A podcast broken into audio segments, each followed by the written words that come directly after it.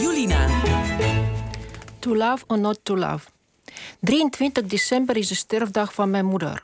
De trouwe luisteraar weet inmiddels dat mijn moeder een Tataarse was en dus geboren in de schoot van de islam. Dat ze de islam nooit heeft beleden maakt voor de Tataarse gemeenschap niks uit. Ze was, is en blijft voor altijd hun zuster in het geloof. Zo sturen haar nicht uit Moskou mij jaarlijks op die dag een bericht dat ze haar hebben gedacht en voor haar hebben gebeden. Ik ben mijn tantetjes dan ook innig dankbaar, want zij zijn de laatste familieleden die mijn moeder nog hebben gekend en tevens de laatste link met de wereld waar ik vandaan kom. Ook afgelopen december kreeg ik een video met een jonge imam die voor alle overledenen Koranteksten reciteert. En de mededeling dat zij voor mijn moeder hebben gebeden. Op mijn ontroerde en dankbare reactie volgde een bericht dat, dat mijn stijl achterover deed slaan. Wij zijn opgelucht, want we dachten dat je ons niet meer wilde kennen. Hoezo dan? Jullie in Europa haten ons toch, iedereen haat Rusland. We zijn zo bang. Hoe moet het allemaal aflopen? Ik verzekerde hen dat ik ze niet haatte, waarna ik hartjes en smileys in de richting van Moskou stuurde. Nadat een lading hartjes en smileys ook op mijn schermpje was verschenen, haalde ik op mijn beurt opgelucht adem. Het misverstand uit de wereld geholpen, dacht ik.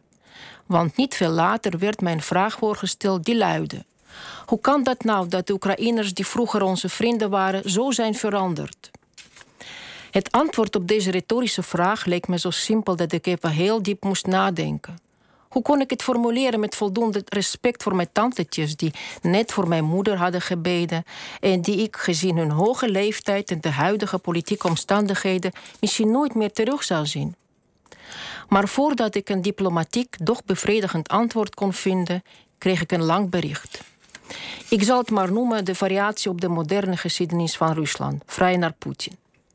In deze geschiedenis heeft de oorlog in Oekraïne eindelijk alles op zijn plaats gezet en de ware aard van mensen en gebeurtenissen onthuld.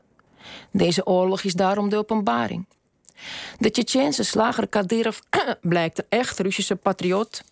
Noord-Korea, Iran, Cuba en China de echte vrienden, in tegenstelling tot het verlichte Europa. Dat ook nog steeds haar vingers niet wil branden in de Tweede Wereldoorlog want de landen die nu lid zijn van de NAVO hebben toen samen met Nazi-Duitsland tegen Rusland gevochten. Daarom viert Europa in mei de dag van verzoening en rouw, terwijl in Rusland de overwinning wordt gevierd. En nu willen al die landen samen met Oekraïne alweer Rusland vernietigen. Onderaan het bericht het verzoek om Rusland te steunen en het bericht door te sturen. Mijn lieve tantetjes, die hoog opgeleid zijn, nooit illusies hebben gekoesterd over het Sovjetregime, die alles weten over de misdaden van Stalin en over de Gulag, die niets moesten hebben van Poetin, zijn nu in de ban van de Russische propagandamachinerie. Televisie is een lid van de familie geworden en vertelt hen precies hoe ze moeten denken. Een pure magie.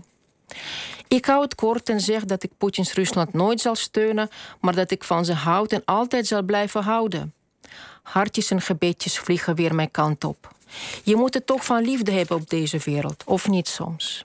Ja, Sana, prachtige column. En heel inzichtelijk voor hoe het zit. Hè, hoe ingewikkeld dit is. Ja, zo zit het. Ja. ja. Dankjewel. Graag gedaan. Goed.